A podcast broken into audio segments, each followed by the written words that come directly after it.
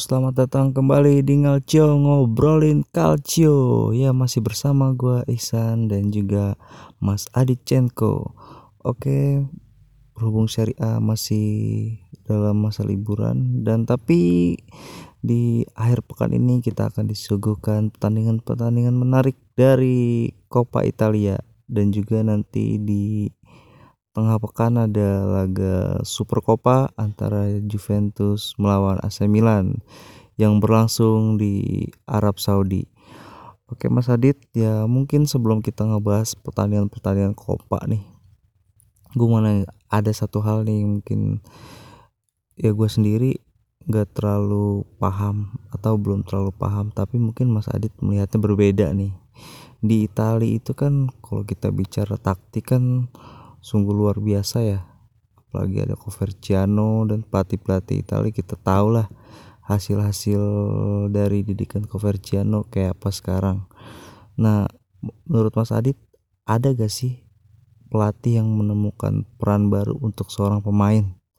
Misalnya dulu ada apa Mazzone yang menemukan peran di playing playmaker ya Pirlo, untuk Pirlo ya.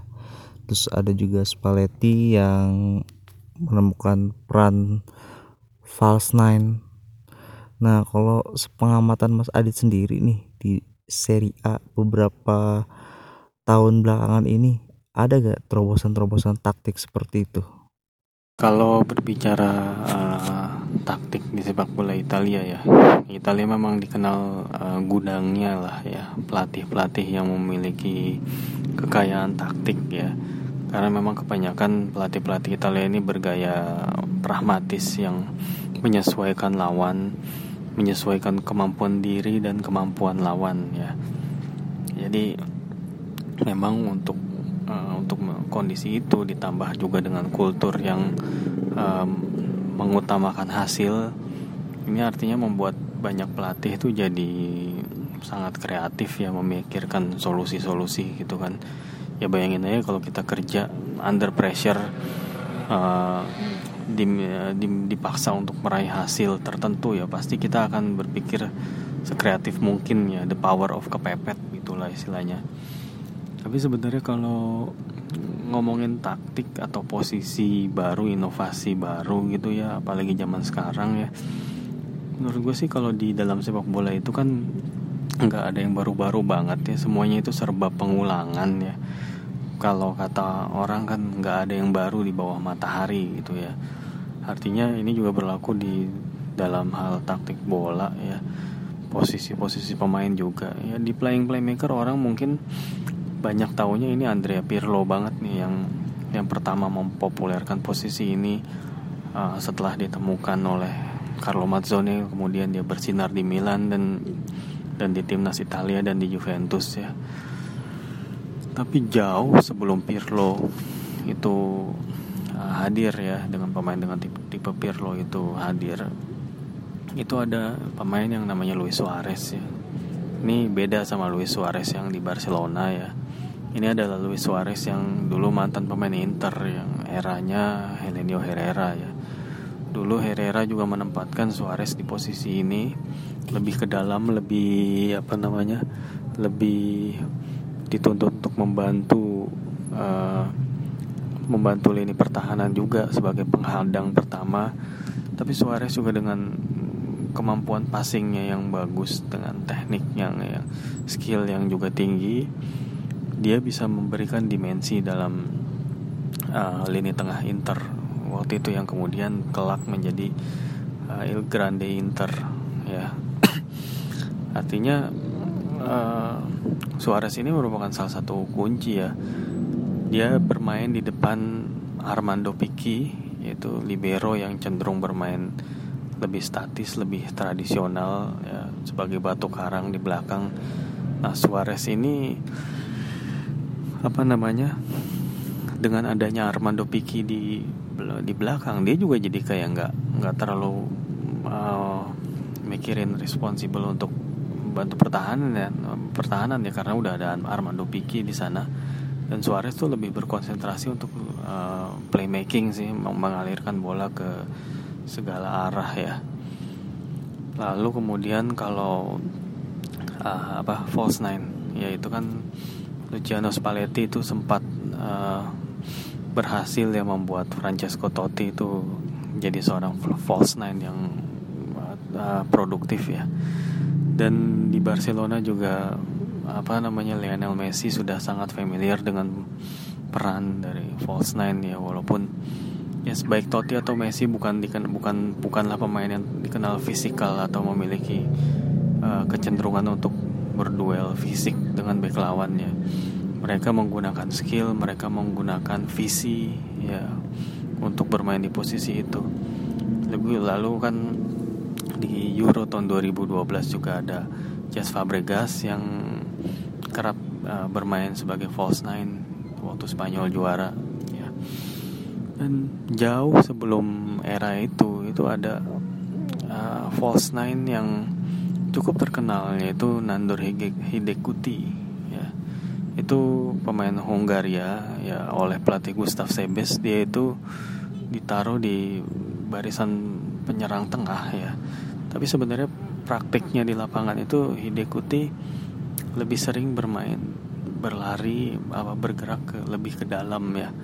Artinya tujuannya adalah Selain memanfaatkan skill yang bagus dan juga kemampuan playmaking yang bagus dari Hidekuti, Gustav Sebes juga ingin membuat Hidekuti itu bisa menarik uh, back-back lawan sehingga mereka tuh out of position dan bisa membebaskan pemain lain untuk uh, apa namanya mencari ruang kosong sehingga bisa dimanfaatkan.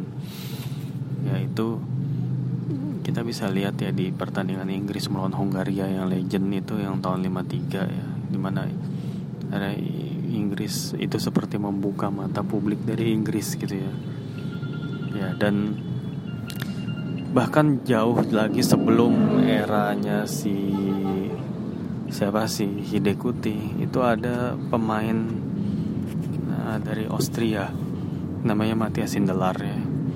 ya Sindelar ini berada dalam sebuah timnas yang berjuluk Wonder Team atau tim yang hebat arahan Hugo Meisel ya di yang bisa mencapai semifinal uh, Piala Dunia tahun 34 yang berlangsung di Italia waktu itu. Mereka cuma kalah dari Italia aja yang akhirnya jadi juara. Tapi harus diakui waktu itu peran dari seorang siapa uh, Sindelar itu sangat besar ya. Dia memiliki teknik yang bagus dan Sindelar ini bermain uh, sebagai penyerang diplot sebagai penyerang uh, tengah Aust Austria ini setelah eranya Joseph Uridil sih ya. penyerang tengah yang lebih dalam tanda kutip lebih badak gitu ya. yang jago duel yang punya tendangan kencang produktivitas golnya juga bagus ya. Uridil ini main di era tahun 20-an sementara Sindelar tahun 30-an nah inilah eh, perbedaan karakter permainan inilah yang membuat Hugo Mesel juga menempatkan uh, apa namanya Sindelar di posisi ini. Dan dia juga membebaskan Sindelar untuk bisa bergerak lebih dinamis lebih ke belakang gitu ya. Uh, bukan bukan sebagai inside forward ya. Waktu itu kan pada saat itu juga muncul peran inside forward ya di mana penyerang yang juga cukup uh, sering ditarik ke belakang ya. Peran yang diemban oleh Giuseppe Meazza dulu di Italia. Tapi uh, false nine ini ya lebih dia bermain sebagai uh, penyerang tengah. Tapi uh, dalam pergerakannya dia bisa lebih dibebaskan uh, ke belakang menjemput bola dan mengalirkan bola kayak gitu ya kalau berbicara inovasi-inovasi uh, taktik oleh pelatih sekarang-sekarang ini ya ya sebenarnya ya bukan yang nggak ada sama sekali sih. Itu Maurizio Sarri itu sangat mengejutkan waktu dia mulai um, menerapkan gaya permainannya itu di Empoli ya di tim seperti Empoli. Gaya possession football dan pressing yang mengalirkan bola dengan cepat ya. Dan itu adalah sebuah penyegaran sih ya di tengah uh, pragmatisme pelatih-pelatih Italia pada umumnya. Kalau Sarri ini pokoknya gayanya seperti ini ya dia akan terapkan terus siapa pun lawannya gitu. Dan uh, pelatih yang juga juga memiliki gaya permainan yang khas juga selain Sari itu ada juga ya Conte ya. Conte itu kan juga identik dengan pola 3 back ya kemudian juga Simone Inzaghi di Lazio juga dia sangat menggemari pola 3 back. Dia jarang sekali mengubah pola ya. Yang apa? Simone Inzaghi itu mengejutkan musim lalu bisa membawa Lazio hampir lolos ke Liga Champions. Ada dia nggak kalah di partai terakhir lawan Inter ya. Tapi mungkin ya kelemahannya ya buat pelatih yang memiliki satu jenis gaya seperti ini ya itu ya dia jadi nggak fleksibel ya. Artinya pemain yang dipakai cenderung itu itu aja. Dan ketika si pemain itu tampil buruk atau harus absen ya ya akan kesulitan ya mencari gantinya. Dan tapi ya bukan berarti nggak nggak boleh. Itu menarik lah. Punya punya ciri khas atau punya style gitu. Ada juga Marco Giampaolo pelatih Sampdoria itu cukup identik dengan pola 4-4-2 berlian ya, yang uh, pola yang digemari Silvio Berlusconi ya mantan presiden Milan yang sekarang jadi presiden Monza. Ya, Giampaolo itu juga mendasari rekrutmennya juga dengan pola itu ya. Dan pola 4-3-1-2 ini juga bukan berarti gelandangnya bermain narrow atau bermain compact ya. Uh, dalam menyerang gelandang-gelandang ini juga bisa bermain melebar ke kanan dan ke kiri ya. Dan dia bisa apa membantu para fullback ya dalam dalam menyerang dalam uh, mengalirkan bola ke sayap ya. Dan ketika diserang pemain-pemain ini juga bisa kembali lagi ke tengah uh, menciptakan situasi apa overload di lini tengah sehingga atau di atau di wilayah tengah sentral dan wilayah half space sehingga lawan juga terpaksa menyerang melalui umpan-umpan silang crossing-crossing yang yang mana itu lebih mudah untuk dipatahkan Joachim Anderson dan Lorenzo Tonelli ya Sampdoria. Ya selain Giampaolo tadi ada juga Walter Mazzari dan apa uh, siapa tuh pelatih Atalanta Gasperini Gianpiero Gasperini. Itu juga mereka cukup identik dengan pola 3 back ya pelatih kawakan ini. Dan khusus bagi uh, Mazzari dia bisa akhirnya membuat Torino tampil lebih stabil ya walaupun dia tidak bisa mengandalkan ketajaman Andrea Belotti seorang ya. Tapi dia juga bisa mem membuat pemain-pemain lainnya tampil lebih baik musim ini gitu. Seperti seperti Yago Falke ya. Dan juga uh, Gasperini ya itu juga lebih fenomenal lagi Gasperini. Dia bisa memanfaatkan uh, pemain-pemain yang fisikal seperti Dufan Zapata dan juga memadukannya dengan pemain yang cepat dan skillful seperti Papu Gomez dan juga pemain yang sangat berteknik seperti Josip Ilicic ya. Ya Ilicic ini kan juga punya apa punya naluri gol yang tinggi punya teknik yang sangat-sangat bagus ya. Tapi kelemahannya dia lemah apa dia kurang baik dalam hal stamina. Ya oleh rekan setimnya dia sering dipanggil grandma atau nenek-nenek ya, yang karena dia cepat habis lah tanda kutip. Tapi inilah yang menjadi kelebihan dari Gasper ini dia tahu kapan dia harus memainkan dan memaksimalkan Ilicic lawan seperti apa dan bagaimana menempatkan Ilicic di lapangan. Dia akan sangat berguna sih. Ya dan apa namanya keberadaan pelatih-pelatih ini ya itulah yang membuat uh, sepak bola Italia itu selalu menarik ya penuh penuh intrik penuh taktik. Adu taktik yang sangat intens ya. Yang menurut gue belum tentu ditemui di liga-liga lain gitu ya. Apalagi kalau nanti ini ada musim depan dari seri B kan ada tiga tim promosi lagi dan gue harap sih pelatihnya pelatih pelatih muka-muka baru ya yang yang mana kita akan terkejut ngelihat oh ternyata sih ini punya uh, gaya permainan seperti ini cara melatihnya seperti ini gitu ya.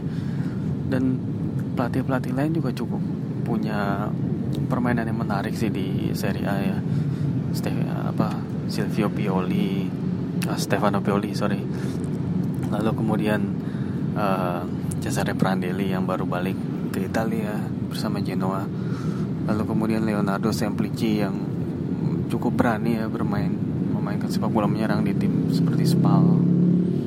Ya, ya dan juga tentunya Roberto De Zerbi ya yang apa namanya dikenal memiliki sepak bola pemain ke sepak bola menyerang dan agresif dan menekan ya.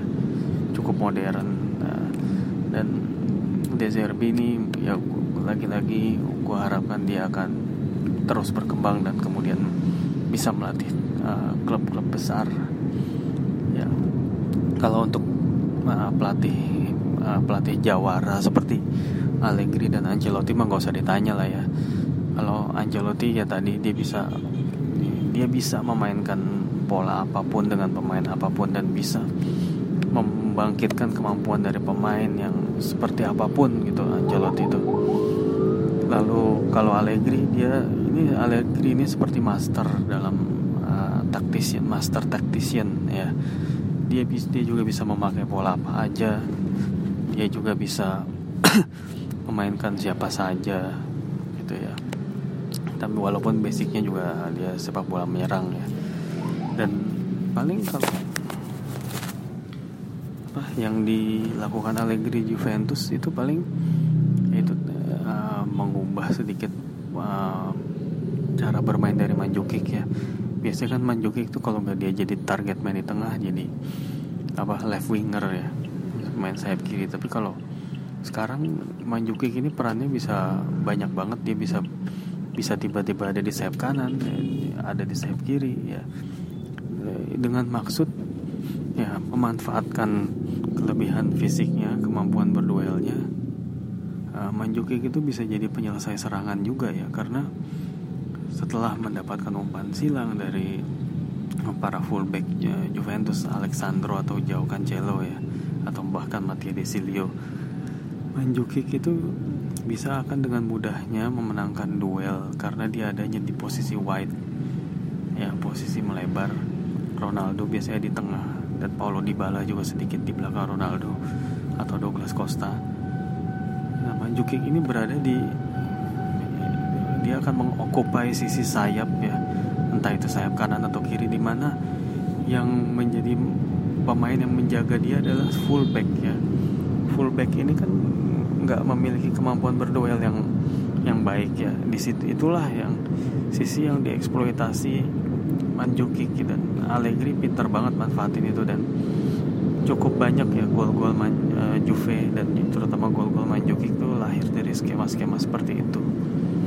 Mungkin uh, sejauh ini ya itu aja sih yang gue lihat sebagai apa inovasi-inovasi walaupun nggak sampai drastis uh, revolusioner ya tapi setidaknya ada inovasi-inovasi yang cukup menyegarkan itu aja sih ya. Kurang lebih gitu ya. Ya memang benar kalau kita bahas taktik di Italia itu sungguh luar biasa ya mas ya. Uh, kalau nggak salah waktu si Rafa Benitez ngelatih Napoli dia pernah membuat statement tuh kalau selama dia di Italia itu orang dari anak-anak sampai orang tua itu memahami soal taktik ya kan? Sampai-sampai dia bilang saya 20 menit di Itali lebih banyak membicarakan soal taktik dibanding satu tahun di Inggris. Ya kira-kira analogi seperti itu ya kata Benitez. Dan si Jose Mourinho aja pernah bilang waktu dia ngelatih Inter ya dia waktu lawan Genoa yang dilatih Gasperini waktu itu sempat mat mengganti lima kali mengganti taktik dalam satu pertandingan. Dan itu gak pernah dia lakuin lagi ketika melatih tim-tim lain di liga lain ya. Jadi seperti itu. Dan untuk peran peran yang baru sih mungkin ya memang belum ada ya. Atau ya seperti Manzukic kalau Manzukic ini menurut gue yang agak spesial itu selain dia positioningnya bagus terus fisiknya juga bagus dia ini termasuk pemain yang sering mencetak gol di laga-laga besar ya. Si Giuseppe Rossi itu salah satu pemain yang fenomenal namun sayangnya bakatnya tidak bisa dimaksimalkan karena terhambat cedera. Dia pernah nge-tweet waktu itu Manzukic ini spesialis mencetak gol di laga-laga besar ya. Kayak laga-laga big match itu bahkan final Piala Dunia dia mencetak gol. Ya tapi nih kalau dari gua dengar kabar kemarin tuh katanya Manzukic ini bakal absen nih di laga Super Copa kita lihat aja nanti. Tapi ya meskipun gak ada Mandzukic di Juve tetap ada sih pemain-pemain yang bisa diandalkan ya Supercopa nanti. Tapi ya kita mungkin menanti kejutan dari Milan juga yang baru mendatangkan Paketa mungkin Lukas Paketa ini bisa menggantikan peran Suso yang absen uh, karena terakhir mendapat kartu merah ya. Oke Mas Adit kita mungkin beralih sedikit dari taktik ke pembahasan soal pertandingan-pertandingan Copa nih nanti malam nih ada Lazio Novara, Milan Sampdoria, Juventus Bologna, uh, Torino Fiorentina, terus Inter Benevento, Napoli Sassuolo, uh, Cagliari Atalanta dan Roma Virtus Entella. Ya mungkin yang menarik nanti Milan Sampdoria terus uh, Torino Fiorentina dan Napoli Sassuolo ya mungkin kalau yang lainnya ada Cagliari Atalanta juga. Nah mungkin yang lainnya mungkin bisa ditebak nih pemenang siapa nih? Ya kan Juventus Bolonya ya mungkin Juve nggak terlalu banyak kesulitan ya lawan Bolonya uh, kalau Inter Benevento juga Inter seharusnya sih bisa menang dengan mudah ya lawan Benevento. Uh, kalau menurut Mas Adit gimana nih kira-kira menurut pertandingan pertandingan ini nih? Mungkin ini kan sebagai ajang pemanasan juga ya sebelum liga kembali dimulai. Ya, Coppa Italia seperti halnya cup competition di negara-negara lain ini bisa dibilang turnamen yang kalau secara gengsi berada di bawah liga domestik ya. Ini makanya jangan heran kalau di ajang-ajang seperti ini itu kebanyakan tim memilih untuk memainkan pemain-pemain yang jarang dimainkan ya seperti halnya waktu itu. Contohnya Milan pada ajang Coppa Italia pada era Carlo Ancelotti ya mereka biasanya memainkan kayak kiper kedua kayak pemain uh, pemain-pemain seperti Massimo Ambrosini waktu itu ketika uh, Clarence Seedorf, uh, Gennaro Gattuso dan Andrea Pirlo itu tak tergantikan di liga. Ambrosini itu unjuk kemampuan di Coppa Italia. Begitu pula ketika uh, Nelson Dida jadi kiper utama, uh, Abiati itu jadi kiper andalan di Coppa Italia. Nah, kebanyakan tim-tim besar biasanya juga seperti itu memainkan Coppa Italia. Ya. Uh, mereka juga memiliki alasan sih selain untuk menjaga kebugaran pemain di saat kompetisi sudah mulai memasuki paruh kedua ya itu juga mereka mereka juga ingin membuat para pemain pelapis ini happy dan juga memiliki level permainan yang setara dengan para pemain uh, pemain-pemain utama ya. Dan karena faktor-faktor inilah mm, Copa turnamen Coppa Italia ataupun Piala FA di Inggris atau di FB Pokal di Jerman itu cukup sering menghadirkan uh, kejutan-kejutan sih walaupun pada akhirnya kebanyakan yang memenangkan kejuaraan ini adalah tim-tim besar juga, tim-tim yang secara tradisi eh, memang menang ya. Kalau uh, dalam kompetisi sekarang kebanyakan tim memang uh, masih di ini masih babak 16 besar ya yang masih agak-agak early stage atau awal-awal ya banyak tim-tim uh, uh, terutama tim-tim Serie A yang bertemu tim Serie B seperti Inter ketemu Benevento tadi, lalu Roma ketemu Virtus Entella dan Lazio ketemu Novara. Dan di atas kertas eh, lawan-lawan mereka itu akan dengan mudah dikalahkan. Tapi jangan lupa kalau nggak salah musim lalu ya Inter juga cukup kesulitan menghadapi tim Pordenone yaitu mereka sampai membutuhkan perpanjangan waktu atau adu, adu penalti gitu. Pokoknya susah payah dia menangnya itu menunjukkan bahwa tim-tim dari seri B atau seri C atau di bawahnya itu justru sebaliknya dari uh, tim-tim seri A mereka menganggap Coppa Italia ini adalah ajang yang sangat penting ya. Karena bagi mereka ini adalah kesempatan untuk unjuk kemampuan menghadapi tim-tim seri A ya selain untuk prestis mereka juga menyenangkan para pendukung. Ya juga bagi para pemain ini adalah saatnya untuk apa namanya menunjukkan kemampuan. Siapa tahu mereka bisa dilirik oleh klub-klub Serie A ya. Dan maka itu cukup uh, ya ada beberapa kejutan lah di ajang Coppa Italia uh, apa namanya dari masa lalu hingga masa yang sekarang ya. Selain uh, musim lalu Inter juga susah payah mengalahkan Pordenone Inter juga pernah dikalahkan oleh sebuah tim yang namanya Castel di Sangro ya tahun 90-an itu. Bahkan sampai apa kemenangan Castel di Sangro itu sampai ada seorang penulis buku yang mengabadikan kisahnya lewat penerbitan buku ya judulnya The Miracle of Castel di Sangro ya. Itu membahas kemenangan fenomenal Castel di Sangro atas Inter yang pada saat itu dipenuhi bintang. Juga ada kisah Milan yang pernah dikalahkan Parma nah pada saat itu Parma tahun 80-an eh, itu masih tim yang baru-baru apa sorry malah malah itu Parma di tim di seri B Milan di seri A. Dan Parma pada saat itu dilatih oleh Arrigo Sacchi ya dan karena kesan itulah yang mendalam di mata Silvio Berlusconi akhirnya Arrigo Sacchi direkrut oleh oleh Milan gitu ya dan inilah uh, yang menjadikan Coppa Italia ini uh, memiliki daya tarik sebetulnya ya. Tidak hanya tim-tim besar yang memiliki peluang sebenarnya tapi juga bahkan tim-tim di bawahnya. Walaupun mereka hanya sebatas menghadirkan kejutan-kejutan sih ya. Karena seperti yang tadi dibilang itu pada akhirnya tim-tim tradisional lah yang yang biasanya mengangkat trofi ya. Tapi pernah ada uh, kejadian di tahun 95 atau 96 lah di antara itu. Di mana Vicenza itu berhasil melaju ke babak final dan mereka juga bertemu tim kejutan lainnya Napoli. Dan akhirnya Vicenza keluar sebagai juara. Dan pada saat itu uh, finalis Coppa Italia uh, lolos ke uh, Cup Winners Cup ya Piala Winners waktu itu yang turnamen yang sekarang udah nggak ada lagi.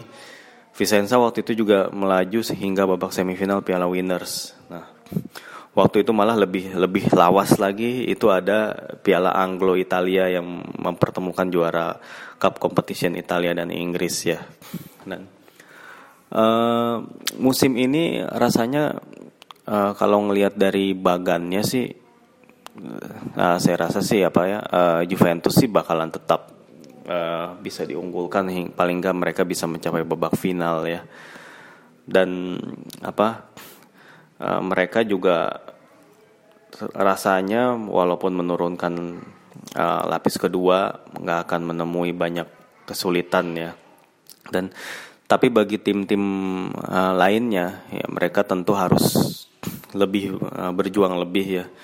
Misalnya bagi AC Milan yang ketemu Sampdoria nanti, ini juga ada hal yang menarik karena ini adalah bisa jadi uh, debut dari seorang wonderkid Brazil, Lucas Paqueta.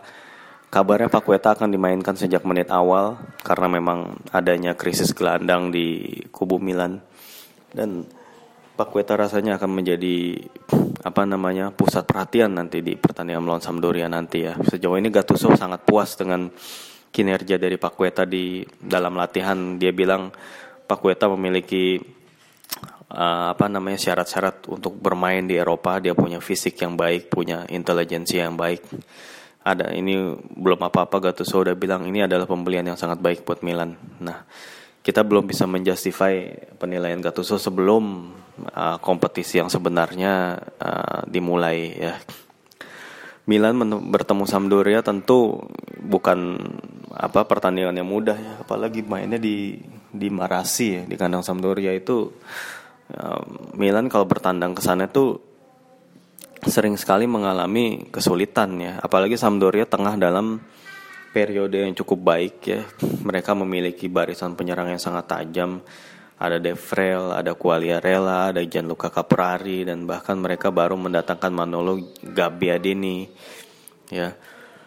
Dan mereka juga cukup konsisten. Salah satu tim yang paling menarik di Serie A musim ini ya di mana Marco Giampaolo dengan pola ya 4-3-1-2 itu yang di luar dari pakem uh, pelatih-pelatih Italia uh, biasanya.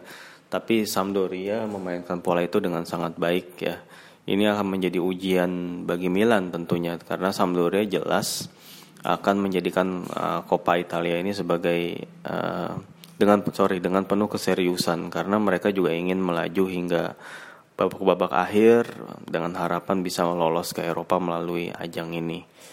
Nah bagi Milan sendiri ini menjadi evaluasi dari Gattuso juga ya.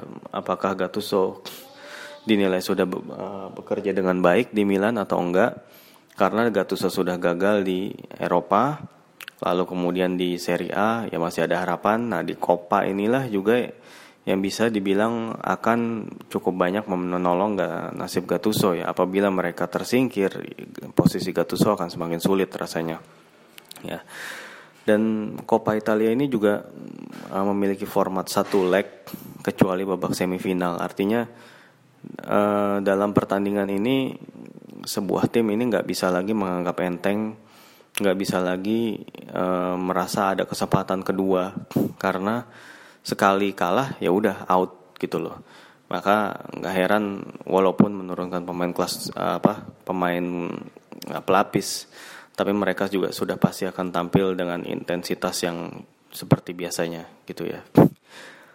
Nah, kalau Sampdoria Milan kalau dari sisi hasil akan sulit untuk diprediksi kita walaupun sebenarnya Sampdoria jelas lebih uh, lebih di atas angin sih karena mereka bermain di kandang ya.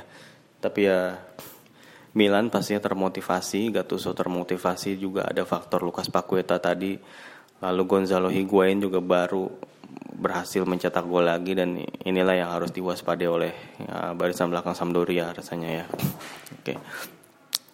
Lalu kemudian ada pertandingan uh, sesama tim Serie A yang juga cukup menarik Torino melawan Fiorentina sih yang gue garis bawahi di sini. Ini adalah pertandingan antara dua tim yang apa memiliki performa yang cukup apik musim ini di Serie A ya. Terutama Torino sih. Mereka hingga saat ini belum pernah kalah dalam laga tandang ya. Uh, dan performa mereka juga cukup sering menyulitkan klub-klub besar ya. Sementara Fiorentina walaupun mereka kadang-kadang nggak konsisten tapi mereka jelas memiliki uh, potensi yang cukup besar ya mereka juga baru mendapatkan tenaga baru Luis Muriel ya ini tentu akan menjadi suntikan Uh, kekuatan bagi lini depan dari Fiorentina. Nah ini pertandingan Torino melawan Fiorentina ini akan sulit untuk diprediksi ya. Kemungkinan bisa jadi akan uh, pertandingan berlanjut hingga babak uh, perpanjangan waktu ya. Lalu kalau apa Roma melawan Virtus Entella, lalu kemudian Lazio melawan Novara itu ya. Dan Inter Benevento ya seperti yang tadi dibilang jelas di atas kertas tiga tim ini akan uh, melaju mulus ya kecuali kalau ada faktor-faktor lainnya yang membuat misalnya pemain menganggap enteng atau misalnya tim lawan bermain luar biasa ya kalau nggak ada kejadian-kejadian seperti itu rasanya mereka akan dengan mudahnya melenggang gitu lalu kemudian Juventus ketemu Bolonya ya kalau nggak salah ya. Nah ini juga cukup menarik. Filippo Inzaghi adalah dulu waktu semasa bermain mantan uh, pemain Juventus juga. Dan Inzaghi jelas dia termotivasi dalam pertandingan ini karena apa? Karena uh, Inzaghi memiliki kepentingan di kursi panasnya ya yang rasanya dengan performa bolonya yang gak stabil dan cenderung cenderung buruk ya. Mereka kini menghuni zona degradasi. Mereka berjarak apa jarak 3 poin dari Empoli yang ada di atasnya, zona aman. Tapi kemudian uh, bolonya di bursa transfer musim dingin ini mereka bisa mendatangkan dua pemain yang cukup berpengalaman di Serie A yaitu Nicola Sansone dan Roberto Soriano ya ya mungkin beberapa tahun lima lima tahun lalu ya mereka dianggap sebagai pemain yang berpotensi. Tapi kemudian karir mereka juga tidak mengalami peningkatan berarti setelah uh, via apa namanya uh, Soriano dan Sansone pernah bermain bersama di Villarreal.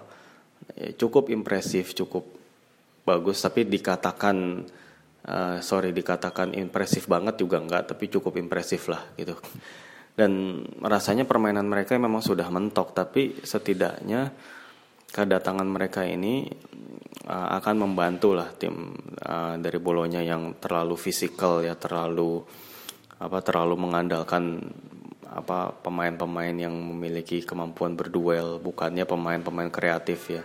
Dengan adanya Sansone yang memiliki dribble bagus dan punya kecepatan juga Soriano yang memiliki kemampuan untuk mengatur permainan rasanya inilah yang dibutuhkan oleh untuk bolonya saat ini ya uh, oleh Pippo Inzaghi untuk menyelamatkan timnya dari jeratan degradasi.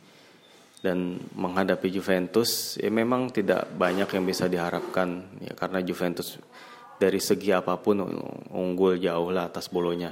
Tapi balik lagi ke soal motivasi ya kita bisa ngelihat uh, seberapa besar Juventus memandang Coppa Italia ini sebagai kejuaraan yang penting ya. Karena inilah yang akan menentukan gitu. Tapi overall tetap Juventus uh, layak diunggulkan. Lalu kemudian ada pertandingan Napoli versus Sassuolo dan Cagliari melawan Atalanta. Dua pertandingan ini juga mempertemukan sesama tim Serie A ya. Eh, Cagliari Atalanta jelas bagi Atalanta ini adalah sebuah jalan bagi mereka untuk bisa tampil lagi di kejuaraan antar klub Eropa dan rasanya mereka akan memiliki motivasi yang lebih kuat ya. Tapi jangan lupa Cagliari juga memiliki tim yang tim yang cukup alot ya di bawah Rolando Maran. Mereka sudah mereka juga di bursa transfer ini mendatangkan Walter Birsa ya pemain yang kreatif dan bisa menjadi tandem dari Nicolo Barella di lini tengah dan di belakang di lini belakang hingga kiper Cagliari juga cukup solid sebenarnya ada kiper Alessio Cragno ini salah satu pemain yang tampil paling baik eh, sepanjang uh, pertengahan musim inilah ya lalu apa namanya ini ada akan menjadi tantangan bagi Atalanta apakah mereka bisa menundukkan Cagliari di uh, publik Sardinia dan ini adalah salah satu pertandingan lain yang berpotensi uh, berakhiri imbang sih ya. Tapi kita nggak tahu ya. Lalu kemudian Napoli Napoli melawan Sassuolo. Nah ini juga pertandingan yang menarik antara dua pelatih yang sama-sama memiliki sejarah dengan AC Milan ya, Carlo Ancelotti dan Roberto De Zerbi. Nah, walaupun Ancelotti unggul jauh dari sisi pengalaman dan gelar dan bagi Ancelotti sendiri Coppa Italia ini adalah turnamen yang wajib juga untuk uh, Napoli tampil baik ya supaya bisa menebus kegagalan di Liga Champions. Lalu kemudian uh, di Serie A mereka juga tertatih-tatih uh, di bersama dengan Juventus ya. Ya. Dan apa namanya pada akhirnya nanti ada kemungkinan Napoli akan menurunkan pemain-pemain yang pelapis ya tapi sebagaimana kita tahu di bawah Ancelotti eh, Napoli ini lebih fleksibel dan pemain-pemain pelapis ini lebih sering dimainkan. Artinya keseimbangan tim gak akan terganggu ketika uh, para pemain pelapis ini turun ya. Lain halnya dengan era Maurizio Sarri waktu itu ya. Lalu bagi Sassuolo ini juga adalah ajang yang menjadi kesempatan mereka juga karena mereka tentunya akan lebih sulit untuk merangkak naik di posisi klasemen. Rasanya Sassuolo sudah bertahan di papan tengah pun sudah bagus buat mereka. Dan untuk melaju ke Eropa ini mereka justru butuh turnamen-turnamen seperti Coppa Italia ini ya. Dan tapi rasanya agak berat sih bagi Sassuolo untuk menghatikan laju dari Napoli dan rasanya seandainya memang nggak ada kejadian yang aneh-aneh ya dalam artian misalnya nggak ada insiden atau nggak ada uh, pemain yang tampil buruk atau bikin blunder rasanya Napoli akan bisa menghadapi apa? Mengalahkan Sassuolo.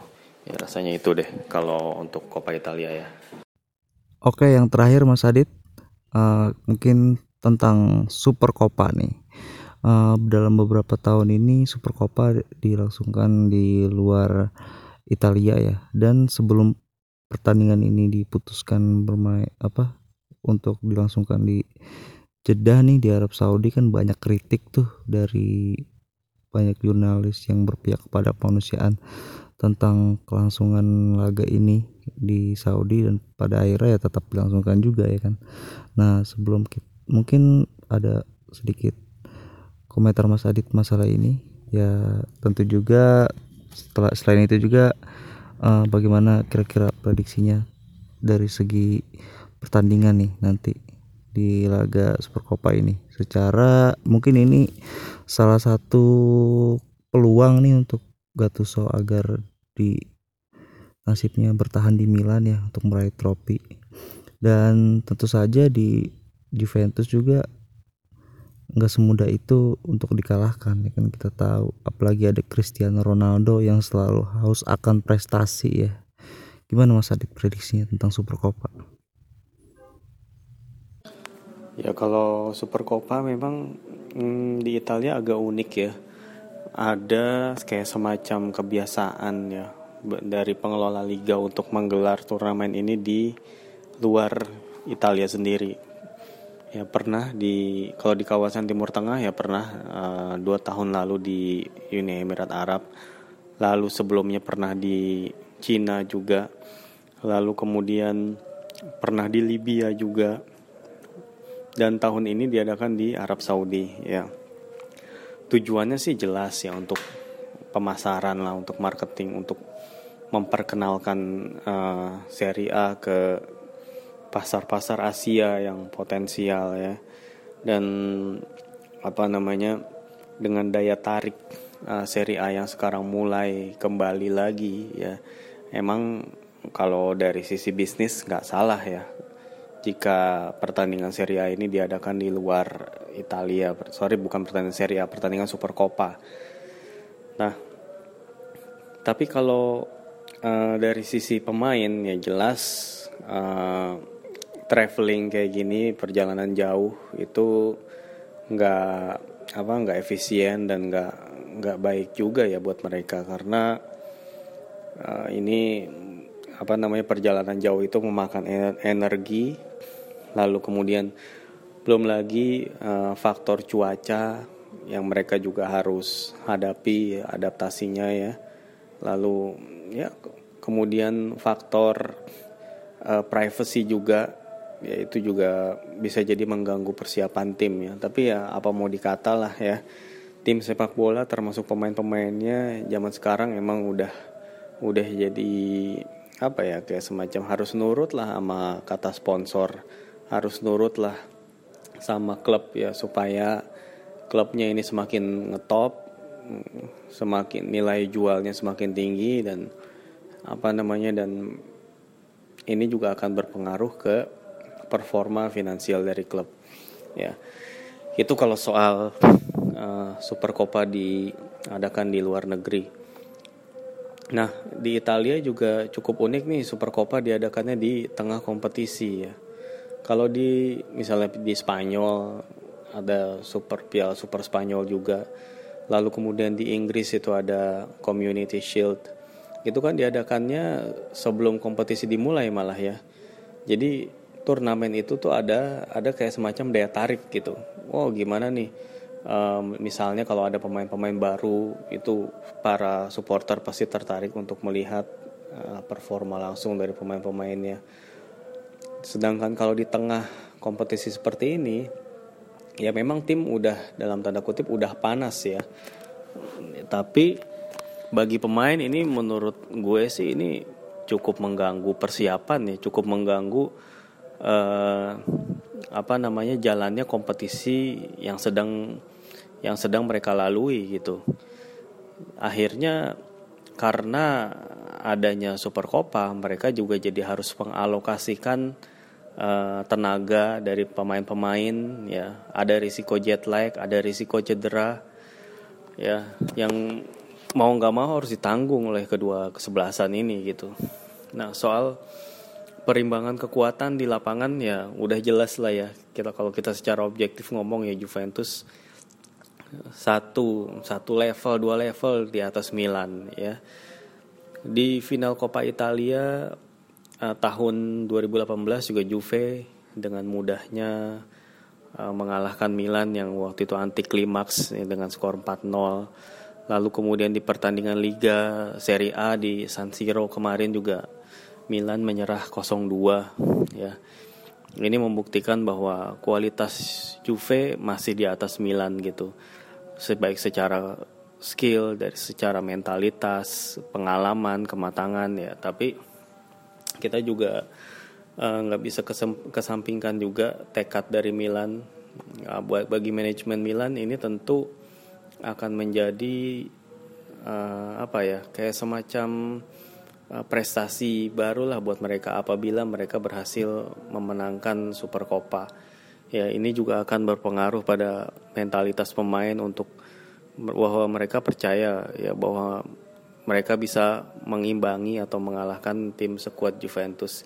Inilah yang mungkin ada jadi motivasi dari Milan ya, termasuk bagi Gattuso sendiri kemenangan Super Copa itu juga bisa jadi akan apa menentukan masa depannya di Milan ini. Tadi ya Mario Mandzukic akan dikabarkan absen ya karena cedera. Ya memang Mandzukic adalah pemain yang sangat berbahaya ya, dia apalagi kalau di partai final dia kerap uh, tampil sebagai apa namanya pemain yang terdepan, pemain yang tak apa nggak kenal takut, punya mental juara ya dan mentalitas seperti inilah yang dibutuhkan oleh tim mana pun yang sedang uh, menjalani sebuah pertandingan final gitu ya. Atau perebutan gelar juara seperti itu. Nah, kehilangan Manjukic jelas agak mengurangi tapi ya menguranginya sedikit aja sih ya kekuatan dari Juventus. Karena seperti, seperti kita tahu mereka masih punya pemain-pemain lain yang bisa mengisi posisi dari striker Kroasia itu ya masih ada Ronaldo, masih ada Dybala, masih ada Douglas Costa, Bernadeschi, Cuadrado dan lain-lain. Itu pemain-pemain ini bisa ditempatkan di mana saja oleh Allegri dan dengan bermacam-macam peran dan uh, ingat juga bahwa Juventus memiliki banyak sekali cara untuk bisa mencetak gol ya baik dari open play ataupun dari skema bola mati. Ini gol-gol yang diciptakan oleh para penggawa Juve ini bervariasi sekali ya artinya Juve itu bisa mengancam dari mana saja gitu. Lain halnya dengan Milan ya. Milan udah terlalu banyak apa bergantung sama Suso Susonya absen pula gitu. Nah ini kan pasti bikin pusing Gattuso ya. Artinya uh, Juventus yang kehilangan Mandzukic dibandingkan dengan Milan kehilangan Suso itu lebih berat Milan yang kehilangan Suso gitu. Karena Suso ini memang pemain bisa dibilang pemain paling berbahaya dari Milan yang paling sering menciptakan peluang apa baik untuk dirinya sendiri ataupun untuk rekan-rekan. Walaupun terlihat dia kadang-kadang kayak untung-untungan aja tuh dia uh, pokoknya dia nendang bola ke arah tiang jauh aja. Entah itu bakalan dibelokin sama temennya atau bisa masuk ke gawang langsung gitu. Itu yang diharapkan oleh Susu walaupun apa banyak sudah banyak juga pemain yang ngebaca gerakan dia ya. Tinggal taruh aja dua dua atau tiga pemain untuk ngepres dia untuk supaya Suso gampang kehilangan bola itu beres sebenarnya. Tapi bagaimanapun kalau Suso absen ini tentunya akan berpengaruh besar terhadap ketajaman Milan. Kemungkinan ada apa Samu Castillejo yang akan mengisi pem, uh, tempat dari Suso. Yang mana Castillejo sebenarnya pemain yang bagus ya, tapi dia memang masih inkonsisten. Dia masih sering uh, ya terlalu banyak membuang-buang possession atau salah umpan. Ya, ini masih apa proses adaptasi dari Castillejo ini masih belum mulus sekali di Milan gitu ya. Begitu juga dengan Calhanoglu, ya kabarnya Calhanoglu akan kembali digeser ke winger kiri ya walaupun itu bukan posisi ideal dia karena Gattuso ingin memberikan tempat kepada uh, pemain debutan harusnya sih Lucas Paqueta harusnya. Nanti di di Coppa Italia kayaknya yuk kita bakal ngeliat debutnya Lucas Paqueta nih. Nah, di Super Copa ya jelas sih tetap lah ya balik lagi Juventus lebih diunggulkan tapi dalam pertandingan final seperti ini kita nggak tahu apa yang terjadi ya. Siapa tahu Milan uh, memiliki mentalitas yang lebih kuat lebih siap lebih bersemangat lebih lebih tidak menganggap enteng. Nah ini dia kalau Juve bisa menganggap enteng malah bisa jadi berbahaya buat mereka sendiri gitu tapi ya itu bukan Juve banget lah ya. Ya kita jarang banget ngeliat Juve kayak gitu. Tapi anyway ya ya kembali lagi ini adalah sebuah pertandingan single game ya. Bukan kompetisi yang uh, seperti kompetisi liga yang membutuhkan konsistensi. Ini adalah sebuah single game satu pertandingan menang rebut piala kalah ya ya udah nggak dapat apa-apa. Ya inilah yang menjadikan pertandingan ini akan lebih sulit ditebak ya dan siapa saja bisa uh, keluar sebagai pemenang. Gitu sih. Kurang lebih. Makanya kita enjoy aja lah dan kita tunggu aja bagaimana hasil pertandingan ini. Oke? Okay? ya terima kasih banyak buat Mas Adit tentang penjelasannya dan prediksi-prediksinya seputar Coppa Italia ya. Ya kami rasa cukup sekian dulu nih episode kali ini. Ya setelah tadi kami membahas soal inovasi taktik dan juga Coppa Italia ya mungkin akan ada kejutan kah? Ataukah seperti tahun-tahun sebelumnya Juventus kembali meraih gelar ini? Kita tidak tahu. Kita saksikan saja nanti malam. Dan kebetulan nanti malam untuk sobat streaming nih tertolong karena akan disiarkan langsung oleh TVRI oke saluran nomor satu bangsa. Ya dari kami cukup sekian. Wassalamualaikum warahmatullahi wabarakatuh. Forza